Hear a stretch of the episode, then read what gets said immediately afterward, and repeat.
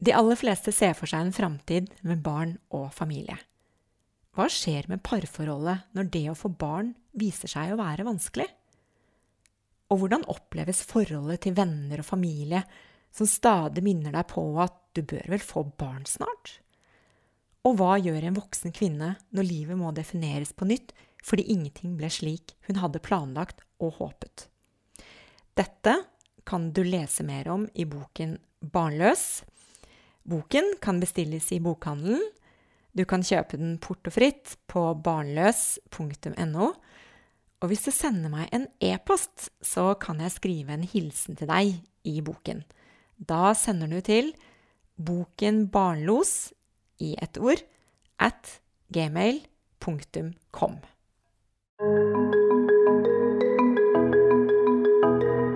Dette er en podkast om barnløshet. Jeg ønsker å finne svar på hvorfor temaet er så viktig for oss. Jeg vil grave frem fakta på området, og ikke minst dele de viktige historiene bak. Jeg er Cecilie Hoksmark, og mitt mål er større åpenhet. Velkommen, Elisabeth eh, Tøtte Hansen. Tusen takk. Jeg er eh, glad for at du vil eh, dele din historie om det å forsøke å få barn, og det å ikke lykkes. Og du er en eh, dreven radioreporter, og til daglig så jobber du som programleder i NRK Radio Buskerud. Helt riktig, det der. Selv om Buskerud kanskje ikke fins lenger, så er det helt korrekt. Ja. Men nå, eh, Elisabeth, er det du som skal bli intervjuet. Og mm, jeg tenker at vi må jo bli bedre kjent med deg. Mm. Så vi skal skru tiden eh, langt tilbake. For jeg er nysgjerrig på hvem du, Elisabeth, var som barn. Ja, eh, langt tilbake. Da må vi jo veldig snart 48 år tilbake i tid. Det er jo et stykke, det, altså. Men ja, som barn Hvis jeg skal beskrive meg selv, så vil jeg si at jeg var litt sånn guttejente. Ikke veldig opptatt av å leke med dokker eller eh, kjøre rundt med barnevogn eller alt mulig. For all del, jeg hadde barnevogn, jeg òg, altså, og jeg hadde dokker. Men eh, jeg var nok mer opptatt av å bygge Lego og ha sånn Hva heter det for noe? Sånne Brio-greier som man skrudde heisekraner med, og lage olakjerre av understellet på dokkevogna. Det var mer interessant. Vokste opp eh, i en blokk. Bodde der til jeg var åtte år gammel. Sammen med masse unger eh, rundt omkring. Lekte masse med både gutter og jenter og hadde det fint og flott der, altså. Og da jeg var fire år gammel, så fikk jeg en søster. Så jeg har én søster her i verden. Det har jeg. Mor og far. En pappa som var veldig mye borte da jeg var liten fordi han øh, jobba til sjøs. Men sånn var det. Det var mange som hadde sånn. Men i hvert fall helt sånn ja, normalt med venner og alt som er. Men ikke ikke den der typiske rosa-jenta. Jeg var aldri interessert i rosa. for å si det sånn. Jeg har aldri syntes det var noe gøy å være prinsesse. Sånn var ikke jeg. Det var nok litt sånn tomboy-aktig jente. Jeg vokste opp da i eh, Fredrikstad, eller rett utenfor Fredrikstad. Et lite sted som heter Rolsøy. Så der begynte jeg på barneskolen og uh, trampa av gårde der sammen med venner og alt. Helt uh, normalt uh, skoleopplegg, og gikk også på ungdomsskolen der. Så begynte jeg på videregående på et sted som heter Greåker. Det ligger mellom Sarpsborg og Fredrikstad. Og så da jeg var 17, så flytta vi ut til en øy på Hvaler. En øy uten veiforbindelse. En øy med Jeg tror det var ca. 70 fastboende der da. Men vi eh, bodde jo Bor, for så vidt. Stedet fins jo fremdeles. I Gåstein, feil ende av øya. Det var tre kilometer til dit hvor de aller fleste andre bodde. Tre kilometer å gå for å hente posten. Det, ja, og veldig øde på vinterstid, det kan du jo sikkert forestille deg. Det var ikke mye som skjedde der, så da ble det mye overnattinger inne i byen. Det gjorde det hos venner og alt som var der. Men eh, ja, det var liksom i korte trekk det. Så da jeg var 19 år gammel, da tok jeg beina eller eh, flyet fatt og dro til USA. Og skulle bo der i et år og være au pair. Det var da den første gangen i mitt liv at jeg skulle passe barn. For det hadde aldri interessert meg. Jeg, jeg hadde absolutt aldri altså med hånda på hjertet passa et eneste barn noen gang før jeg dro over der. Og når man skal eh, være au pair, så er det jo sånn at du skal liksom ha noen slags referanser, eller noen skal gå god for deg, så du, du vet hva et barn er, og hvordan et barn fungerer. Så da husker jeg jeg fikk eh, moren til en god venninne av meg. Denne venninna er altså ett år yngre enn meg. Intet mer, intet mindre. Fikk jeg henne til å skrive en slags eh, godkjenning av at jeg var dyktig til å passe barn. Dette var trygt. Og jeg dro av gårde.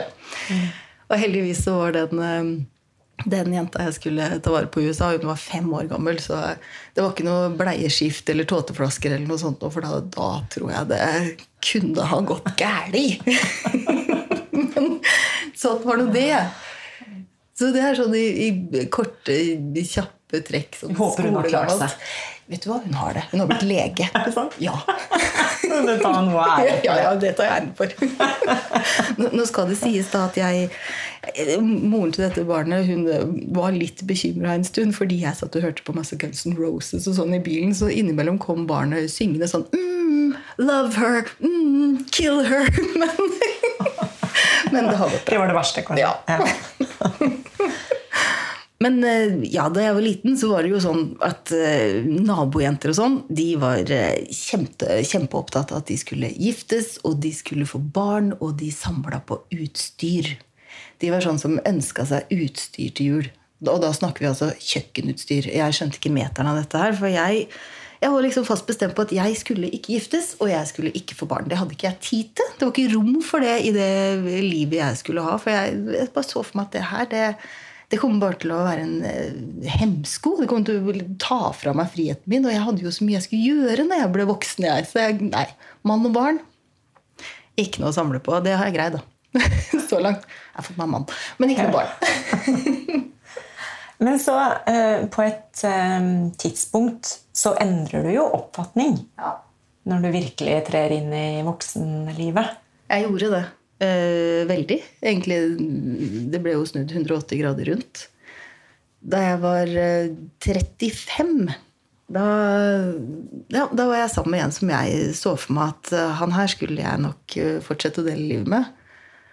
Og så skjedde det et eller annet. Jeg Jeg vet ikke helt hvordan jeg skal kunne forklare det, men plutselig så hadde jeg lyst på familie tenkte at eh, det er jo veldig fint. Og nå har jeg blitt så voksen og har gjort så mye. Jeg har reist masse og tatt masse utdanning, hadde jobba i flere år. At nå er det greit. Nå kan jeg, nå kan jeg legge til side alt eh, Eller den der frykten for ikke å være fri. Og da fikk jeg plutselig veldig lyst på barn. Men i en alder av 35 så er jo ikke det verdens enkleste. Det, biologien og klokka og alt det der jobber jo mot deg. Men samtidig så var det jo mange rundt meg som eh, fikk barn. Rundt i, i samme alder, og folk som var eldre enn meg også. På, håper å si både naturlig og unaturlig måte. Så hvis man skal kalle det det. Det er kanskje litt tåpelig å kalle det unaturlig, men det er i hvert fall ikke den vanlige, naturlige måten. Og ja Prøvde da å få barn på vanlig måte i et år. Før jeg måtte innse at nå trengs det hjelp her. Og da var det å bli eh, innrullert i dette berømte IVF-programmet som et eller annet sted. Vi gjorde det på Riksen. Mange kan ha gjort det andre steder også. Men det er jo en liten bøyg. Jeg husker at jeg var fast bestemt på at skal jeg nå først få dette barnet, så skal det ikke være noe klinisk. Nei, dette her skal skje helt naturlig og komme som det vil og alt det der. Men det gjorde det jo bare ikke. Så da var det inn i dette programmet med ja, sprøyter og hormoner og alt hva det her eh, innebærer. Og med sine oppturer og nedturer underveis. Det, det, det blir det jo. Du har jo et, et håp om å få barn. Og jeg så også for meg at når du først var inne i IVF-mølla, så kom det jo til å gå bra. Selvfølgelig skulle du gjøre det. Det hadde jo gjort det for alle andre jeg kjente som hadde gjort det. Men det gjorde det ikke. Det var alle forsøkene som var mulig på Riksen, og et uh, forsøk i privaten etterpå, uten at noe som helst skjedde. Og om det handla om at uh, jeg kanskje aldri har kunnet få barn, eller om det var alderen, det, det, får jeg jo aldri noe svar på. Men det gikk i hvert fall ikke. Det var i hvert fall enden på den IVF-visa. Til slutt så må du bare innse at nei, det går ikke. Vet du hvor mange forsøk du var igjennom? Åtte. Ehm, fordi en del av forsøkene på Riksen ja, de kaller det at det ikke blir et fullverdig forsøk dersom det ikke har blitt eh, fertiliserte egg, eller det faktisk ikke er noen egg å hente ut, selv om du har vært gjennom alt av medisinering og alt. Derfor så ble det så mange forsøk. Eller det ble syv der, da, også ett i privaten etterpå. Så det var mange runder. Eh, med alt av hva det innebærer å, å, sette alle disse sprøytene og drive og spraye nesa med nesespray og bli helt gal i hodet. For det, det gjør en jo veldig ofte, alt dette her. Både pga. at hormonene gjør at du blir sprø. Altså virkelig gal. Hvordan opplevde du det? det altså jeg opplevde det som at eh, jeg hadde ikke, jeg hadde ikke ordentlig kontroll på følelsene mine. At jeg kunne veldig fort bli eh, sint for eh, de latterligste ting. Lei meg også for ting som ellers ikke hadde mm, egentlig prega meg i det hele tatt. Og det, den derre følelsen at ja, du mister deg selv litt da, oppi alt sammen. Og det, det er ikke noe ålreit. Absolutt ikke. Jeg husker jeg satt på Riksen og hadde en sånn ekstrasamtale med en, en lege der som viste en sånn graf jeg husker ikke om han kalte det kokografen, men jeg kalte det i hvert fall det for meg selv. Og det var hvordan kvinner som gikk på denne nesesprayen, som de aller fleste må gå på da, når man er gjennom IVF, hvordan de rett og slett ble gale. Altså, det var sånn De hadde gjort spørreundersøkelser og hørt hvordan folk følte seg. og det, Du så bare en kurve som gikk sånn sakte, men sikkert litt oppover, og så bare sjosj! Når man gikk på nesespray. Så det var litt deilig å se at det var ikke bare jeg, da, i hvert fall. Eh, det, det, er godt å vite. Så ja, man, man blir sprø. Jeg har vært der, ja. ja altså, du, vet, du var gæren, du òg. Ikke sant? Og det har mange andre jeg har snakka med, også sagt det samme. At du, du blir helt uh, rar i hodet, altså. Og det, det, er ganske slitsomt. Det er det. Og så er det slitsomt det derre ja, det, det, det, håpet som du opparbeider deg for hver gang. Da tenker at nå, nå skal det gå. Og så går det ikke. Nå, da. Denne gangen. Nå gir jeg virkelig alt her. Nå skal jeg jo bare være skikkelig høne og legge så mange egg som overhodet mulig. Og så går det ikke. Og jeg husker den aller eh, siste runden på Riksen. Da tenkte jeg at nå kommer det i hvert fall til å gå. For da var det første gangen jeg hadde åtte egg. Det hadde aldri skjedd før. Det meste de hadde hatt å fertilisere, var tre. Og da var jeg virkelig sånn nå er det ikke mulig at det går gærent. Ingen av dem ble fertilisert. Ikke et eneste ett. Og da ja, ja, hva skal jeg si? Jeg fikk jo litt den der følelsen at jeg virker jo ikke. Kroppen min fungerer jo ikke som den skal, enda jeg vet at jeg ja, er biologisk på hell, eller hva man skal kalle det. Men du får den følelsen at vi spiller jo ikke på lag, du, kroppen min og jeg. Og den er, den er ikke helt god. Den er ikke det.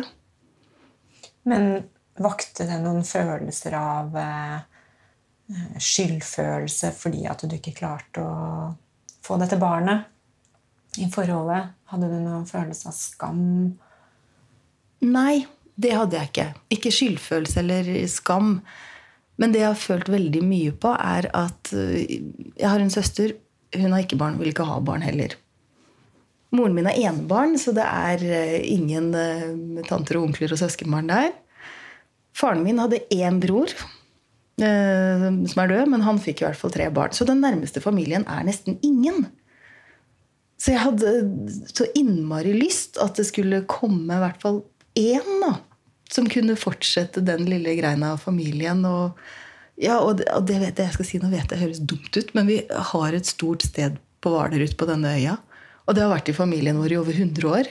Og så er det bare stopp. Fordi jeg fikk det ikke til.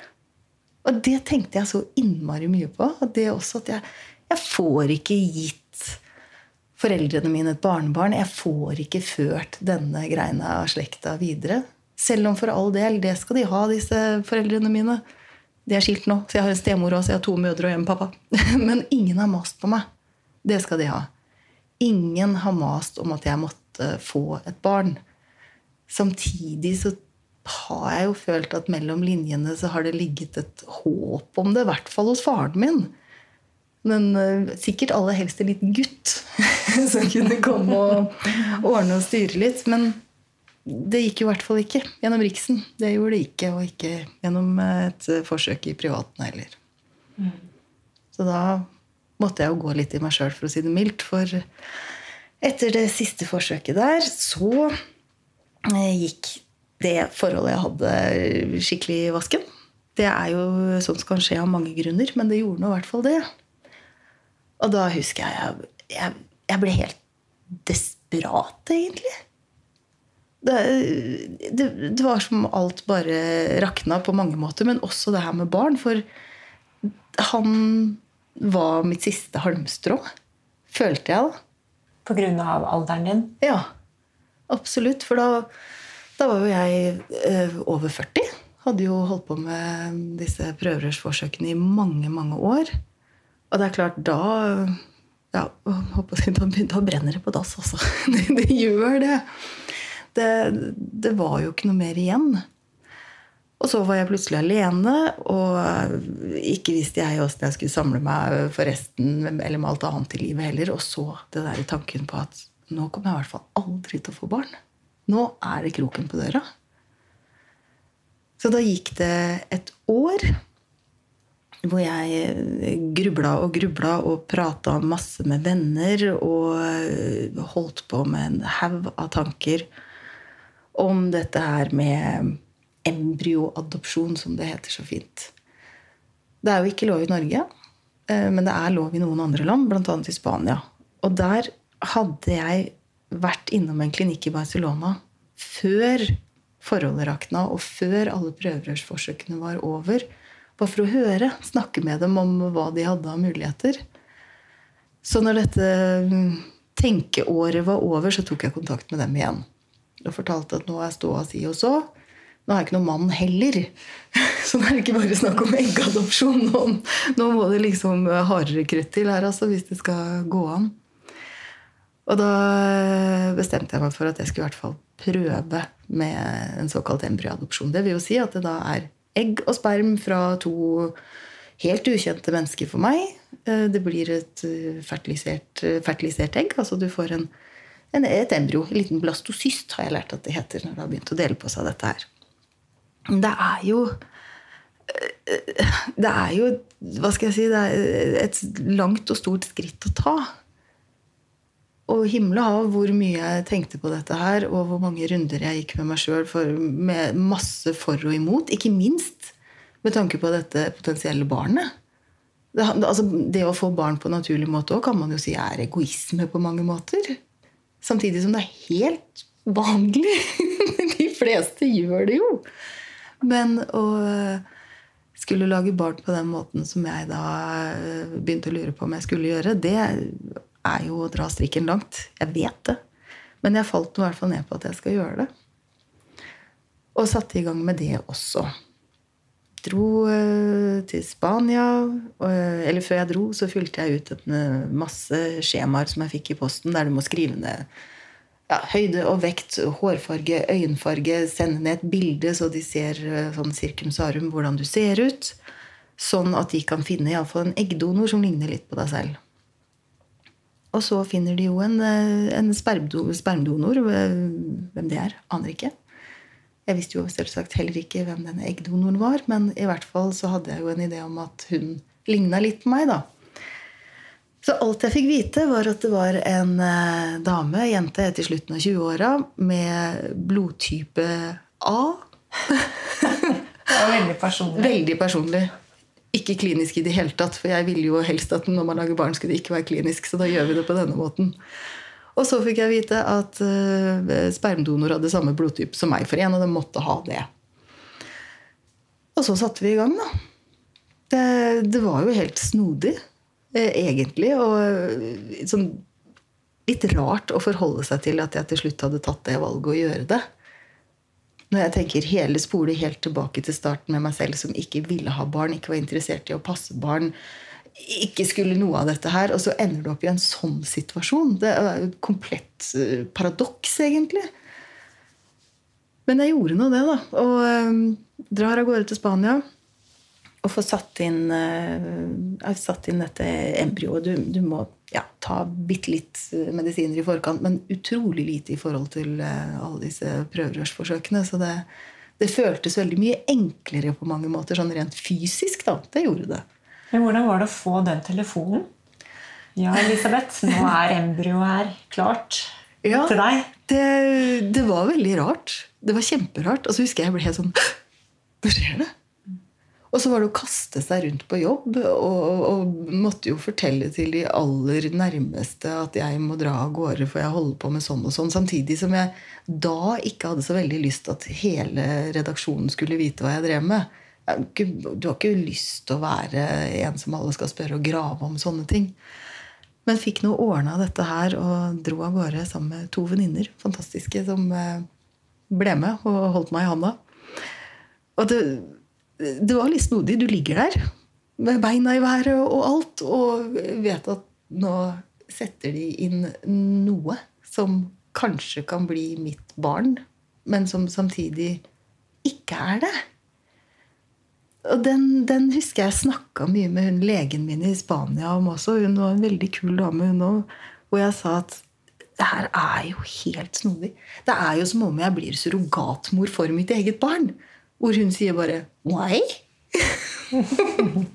og helt sånn, Hvorfor tenker du på det? Dette er jo helt naturlig. Men det er jo ikke det. Uh, absolutt ikke. Men når det først var der, så, så, så var det jo helt greit. Og jeg ble jo gravid første gangen. Og den derre syke opplevelsen av å, å, kjenne at kroppen endrer seg sånn over natta. Med noen pupper som sprenger og i det hele tatt. Det var jo helt snodig. Men det varte jo ikke så veldig lenge, da. Det tok eh, sju uker. Så uh, var det en kjempespontan abort.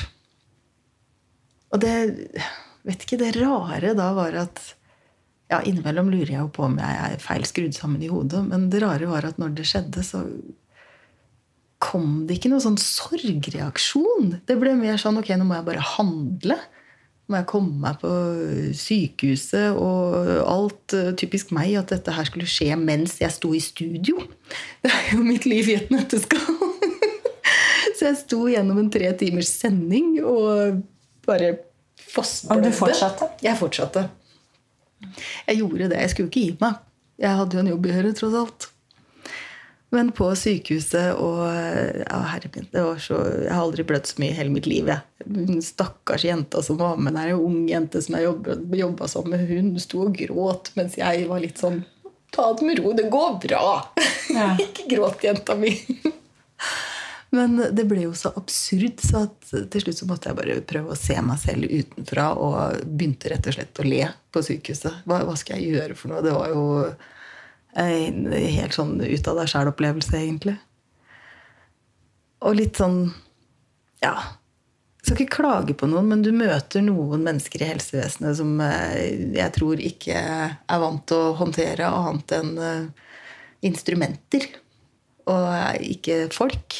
Så det har vært noen sånne. Men i den situasjonen der også, så møtte jeg også et helt vanvittig nydelig menneske. En sykepleier. For jeg måtte jo ut og ta en, eller måtte ta en utskrapning også etter dette her. Og ble jo lagt inn. Og den nydelige sykepleieren som kommer da og sier du, jeg kan ikke gi deg noe å spise, eller noe, men kan jeg gjøre noe annet for deg?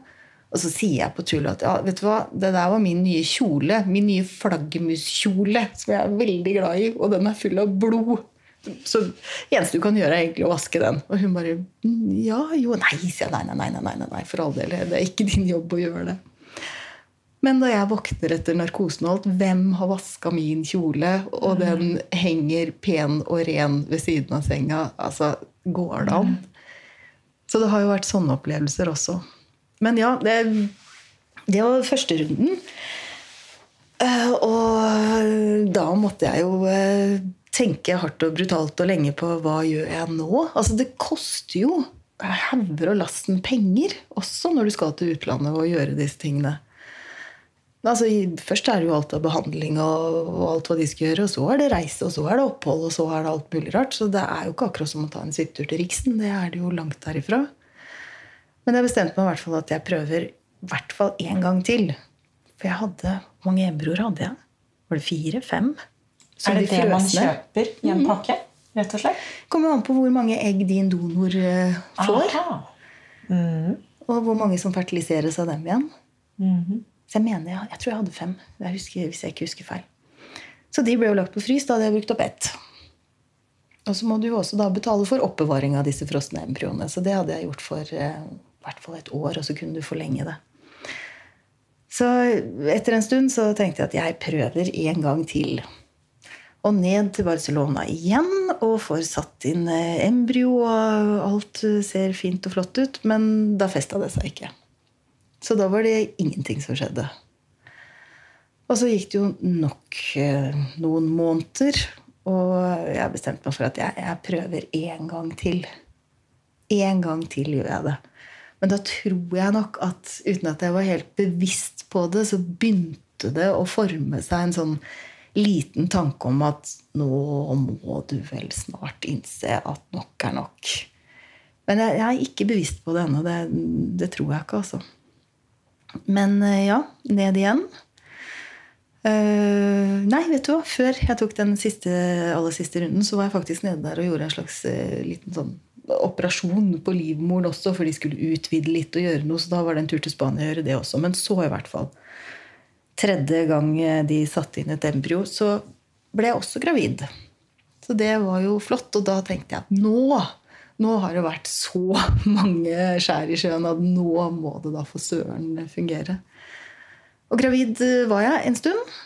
Men eh, fem uker på vei på besøk hos en venninne i Bergen, så merker jeg bare at nå skjer det noe her igjen. Og jeg skjønte jo at nå begynner det å gå gærent eh, nok en gang. Og den runden endte i en ambulanse i Bergen og med blålys og alt til Haukeland. For jeg var jo fast bestemt på at jeg klarer å fly hjem. Det skal jeg greie. Selv om det gjorde så vondt. Den første gangen så hadde jeg ikke hatt noen smerter. Men den gangen her så var det så innmari vondt. Og så var det en, eh, en som jobba sammen med henne, som skulle kjøre meg til flyplassen. Men det kom fram der, så bare gikk det ikke mer. Så vi fant ut at nei, nå må vi komme oss på sykehuset. Så jeg lå i baksetet med hodet sånn mer eller mindre oppi hans treningsbag og pep litt for meg sjøl. Mens venninna mi ringer til, eh, til AMK, da. Og så, Selv denne gangen så endte det opp med at jeg bare måtte le. fordi eh, vi stopper bilen, og så spør hun han som kjører, 'Hvor er vi igjen?' Hvor er vi igjen? Han vi er ved Lagunen, sånn kjøpesenter som er utenfor sentrum av Bergen. Og så hører jeg henne si til eh, de som er på telefonen, at vi er ved Den blå lagune. Da måtte jeg bare begynne å le baksetet altså, og tenkte at nå alt vi mangler, er Brooke Shields. så er alt på stell. Men da kom vi oss nå på sykehuset, og det er ikke veldig mange ganger i mitt liv jeg har fått morfin, men kjære vene, det er et fantastisk legemiddel, altså. Det, det må jeg bare si. Så jeg vet ikke hva jeg skulle gjort uten eh, det der og da, og gode venner nok igjen da, som var der. Men ja men Litt sånn hopp og sprett fram og tilbake her. Men det er det midt oppi det hele, så Det er akkurat som jeg har sett meg selv litt utenfra mens jeg har holdt på med alt dette her. Og det har kanskje vært eh, ja, en, en, måte å takle det på også. At dette skjer ikke egentlig med meg. Det skjer med noen andre. Så dette takler jeg fint. Jeg holder både meg selv og alt på avstand. En sånn armlengdes avstand. Og da blir det kanskje lettere alt sammen også. Men så er jo jeg en stor tilhenger av svart humor, så når alt blir for gærent, da må jeg nesten bare le av det, altså. Så det ble jo det på sykehuset der også, når jeg da ligger der i morfinrus. Blir først lagt på et, eh, et stort rom sammen med en annen dame, husker jeg. Og så var jeg litt inn og ut. da, Sovna jo og lå der og var litt uh, suste i huet. Og når jeg våkner igjen, så er jeg alene på dette rommet. Kun sammen med en sykepleier kledd i gult fra topp til tå. Med munnbind og det hele. For da, Jeg hadde jo fortalt at dette hadde skjedd i Spania, og da hadde jo de plutselig blitt livredde for at jeg hadde med meg noen eh, mystiske bakterier derfra. Så jeg var da på isolat. Du våknet opp i denne morfinrusen din på isolat. Ja. ja. Men jeg fikk nå forklart om at jeg har ikke blitt perforert i utlandet i det hele tatt. Jeg har ikke fått så mye som en sprøyte, men dere må, må gjerne sjekke alt som er. Men jeg kan garantere dere at jeg har ikke med meg noe mystiske greier. Så jeg kom meg nå hjem derfra også. Jeg slapp ut. Og da begynte det virkelig å gå opp for meg at nå holder det. Nå orker jeg ikke mer. Nå er det slutt. Da hadde jeg brukt 300 eh, 000 på eh, å forsøke i Spania alene og gått gjennom alle de der tankene med er det riktig å gjøre det? Hva kommer dette barnet til å tenke og tro om meg og livet sitt hvis det blir noe av? Hvordan skal jeg klare dette alene? Altså, jeg hadde vært gjennom så mange runder, og alle de her forsøka, så da var det sånn Nå er det nok. Nå spoler jeg helt tilbake til da jeg var ung og viril og var fast bestemt på at jeg ikke skulle ha barn og ikke skulle ha mann. Dette går fint. Det, det, gjorde jeg. Men samtidig så ble jeg jo litt Ja. Jeg ble jo veldig tankefull. Tenkte hvem i all verden er jeg nå, da? Jeg skulle jo bli mamma, jeg. Men uh, sånn ble det ikke. Så da er det jo en ny runde å prøve å finne ut av litt sånn hvor står jeg her i livet, og hva vil jeg egentlig, og hva kan jeg gjøre ut av det jeg har nå? Og det er jo masse, selvfølgelig, men det er ikke gjort over natta, altså. Det er det ikke. Mm.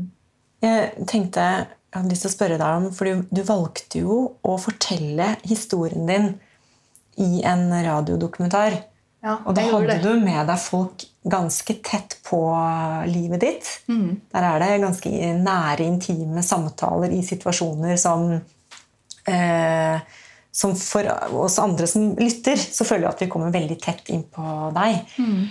Og så har jeg tenkt at det er klart at du jobber jo med radio og er reporter, så kanskje ikke det er så skummelt for deg å, å gjøre akkurat det tekniske der med det med liksom radio, lydopptak og sånn. Men allikevel så er jo en enorm åpenhet.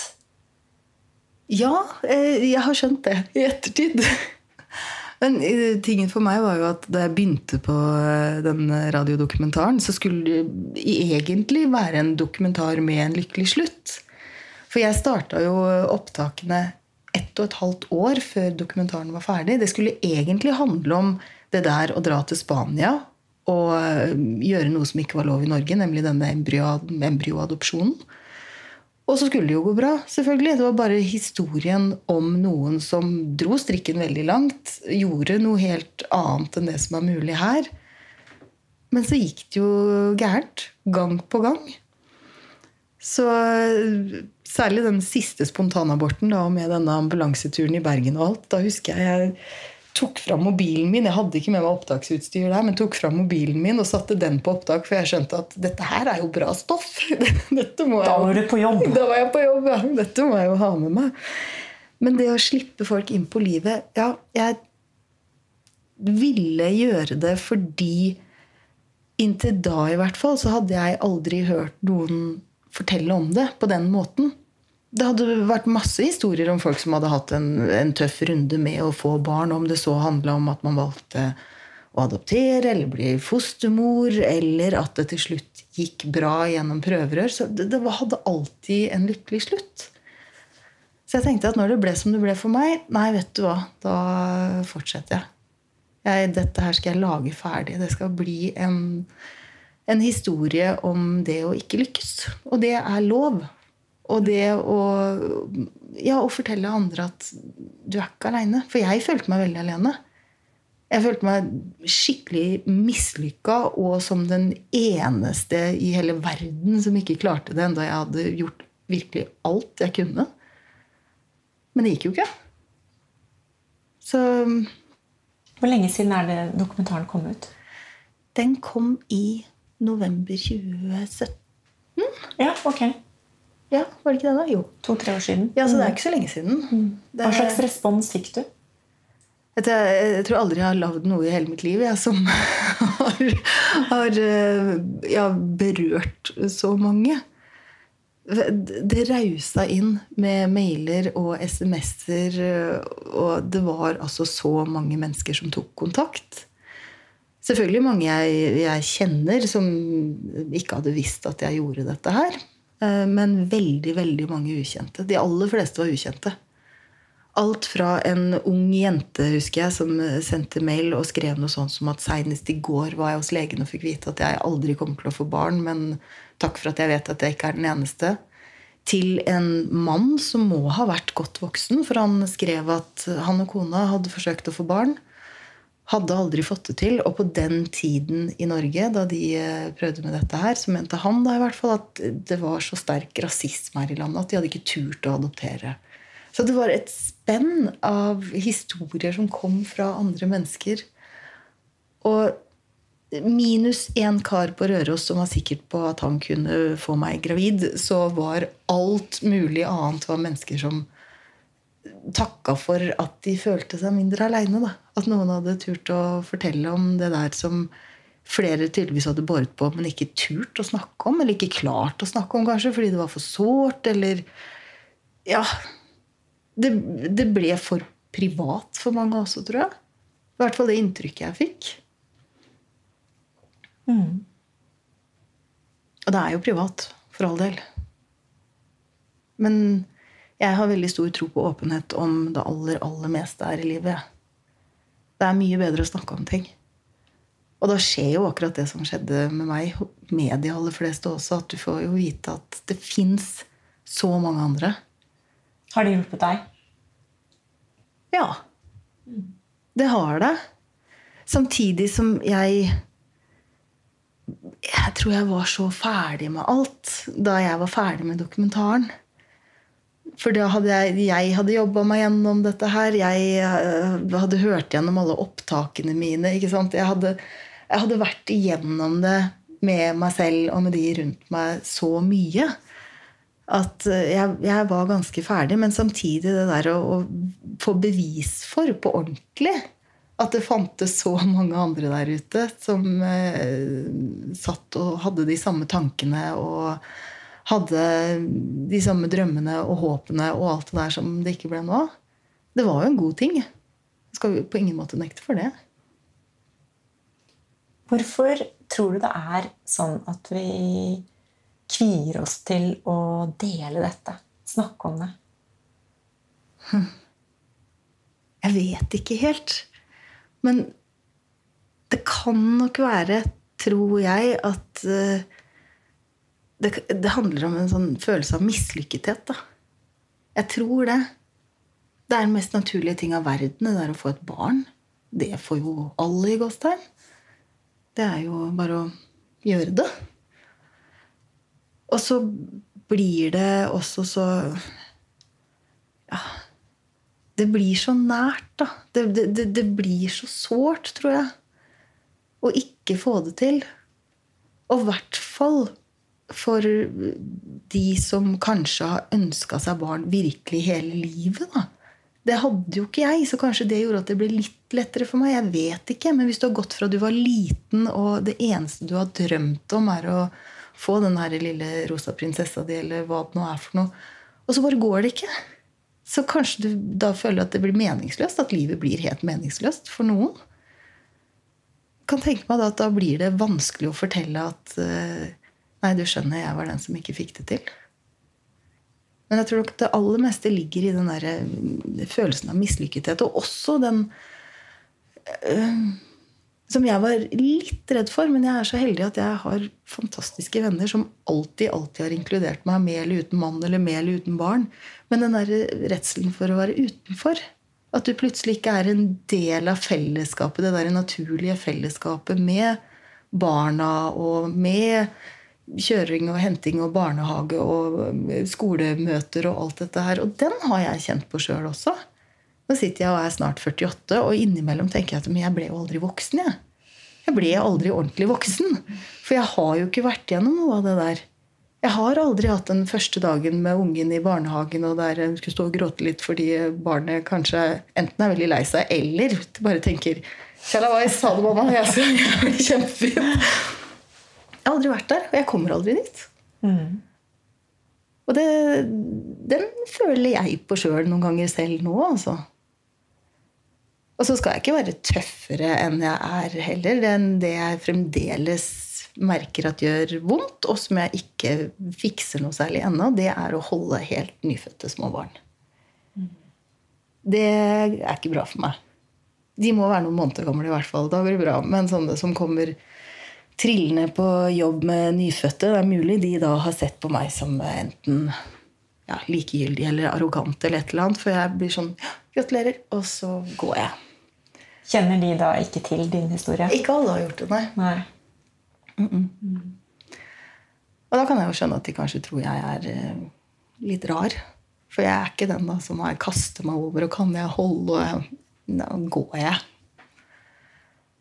Men eh, nå er det en nær venninne av meg som er gravid og skal ha barn til sommeren. Og hun vet jo alt sammen, selvfølgelig. Og det kommer bare til å bli kjempefint. Jeg kommer garantert til å begynne å grine når jeg skal holde den uh, ungen. Det vet jeg jo. Men kanskje det er litt fint? At ja. du kan være så åpen? At du kan tørre det? Ja, ja, ja. Mm. Og det er jo lov å reagere. Mm. Det er jo lov å ikke være beintøff hele tiden. Hvorfor skal man være det? Det er ikke noe vits i. Selv ikke du kan Selv, være nei. Selv ikke jeg. Nei, jeg er ikke Selv om du er ganske tøff. jo, jo da. Men det, det, jeg har opplevd mye, mye, rart her i livet, og det har vært masse ting som har gjort at jeg har, har nok blitt ganske tøff og ganske hardhuda. Men eh, jeg er ikke mer hardhuda enn at jeg reagerer, jeg også, altså, når det kommer til stykket. Det gjør jeg.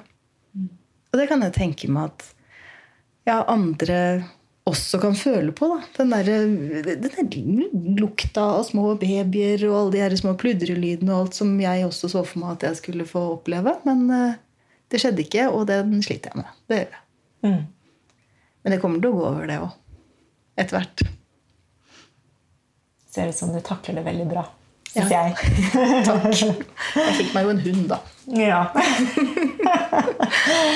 um, jeg var litt nysgjerrig på hvordan du ser på livet ditt nå. Du var jo inne på det at du av og til tenker at uh, jeg ble jo aldri helt voksen.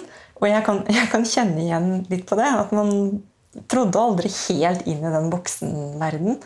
Men jeg er nysgjerrig på deg om hvordan du ser på livet ditt, og hvordan du har det nå, og hvordan du ser framover. Jeg har det veldig bra, jeg. Eh, og det handler igjennom Jeg vet ikke hvor mange ganger jeg skal gjenta det, men det handler om at jeg har helt fantastiske venner. Eh, de fleste med barn. Eh, de fleste med sine menn og alt som jeg hører til. Men de er så åpne og lette å snakke med, og så klare for å stille opp. Jeg husker eh, da jeg satte i gang, eller skulle sette i gang med, med denne runden i Spania, så er det to venninner av meg i Ålesund som fant ut at Tenk om Elisabeth får tvillinger. Det kommer hun aldri til å klare. Da må vi lage en vaktliste. Da bodde jeg nemlig i Ålesund da jeg begynte å tenke på dette her. Vi må lage en vaktliste. Og så må vi ta det liksom annenhver gang og, og hjelpe henne. Så, sånn har det vært hele veien eh, med fine mennesker. Men sånn, se på livet nå, så er jeg er nesten glad for at det ble som det ble. Ikke fordi jeg, jeg, jeg, angrer ikke på noe av det jeg har gjort. Jeg er kjempeglad for at jeg prøvde så mye som jeg gjorde. For da har jeg i hvert fall jeg har gjort alt. Jeg vet med meg sjøl at jeg har prøvd alt. Jeg slipper å sitte eh, som godt voksen og lure på hvorfor prøvde jeg ikke. Så den vet jeg. Men nå har jeg bare en sånn ja, jeg er rolig på at det er som det er. Jeg er rolig på at jeg eh, har den friheten jeg har. Skulle ønske jeg tjente litt mer penger i NRK. Men utover det Nei, bør ikke det. Jo, det skal vi.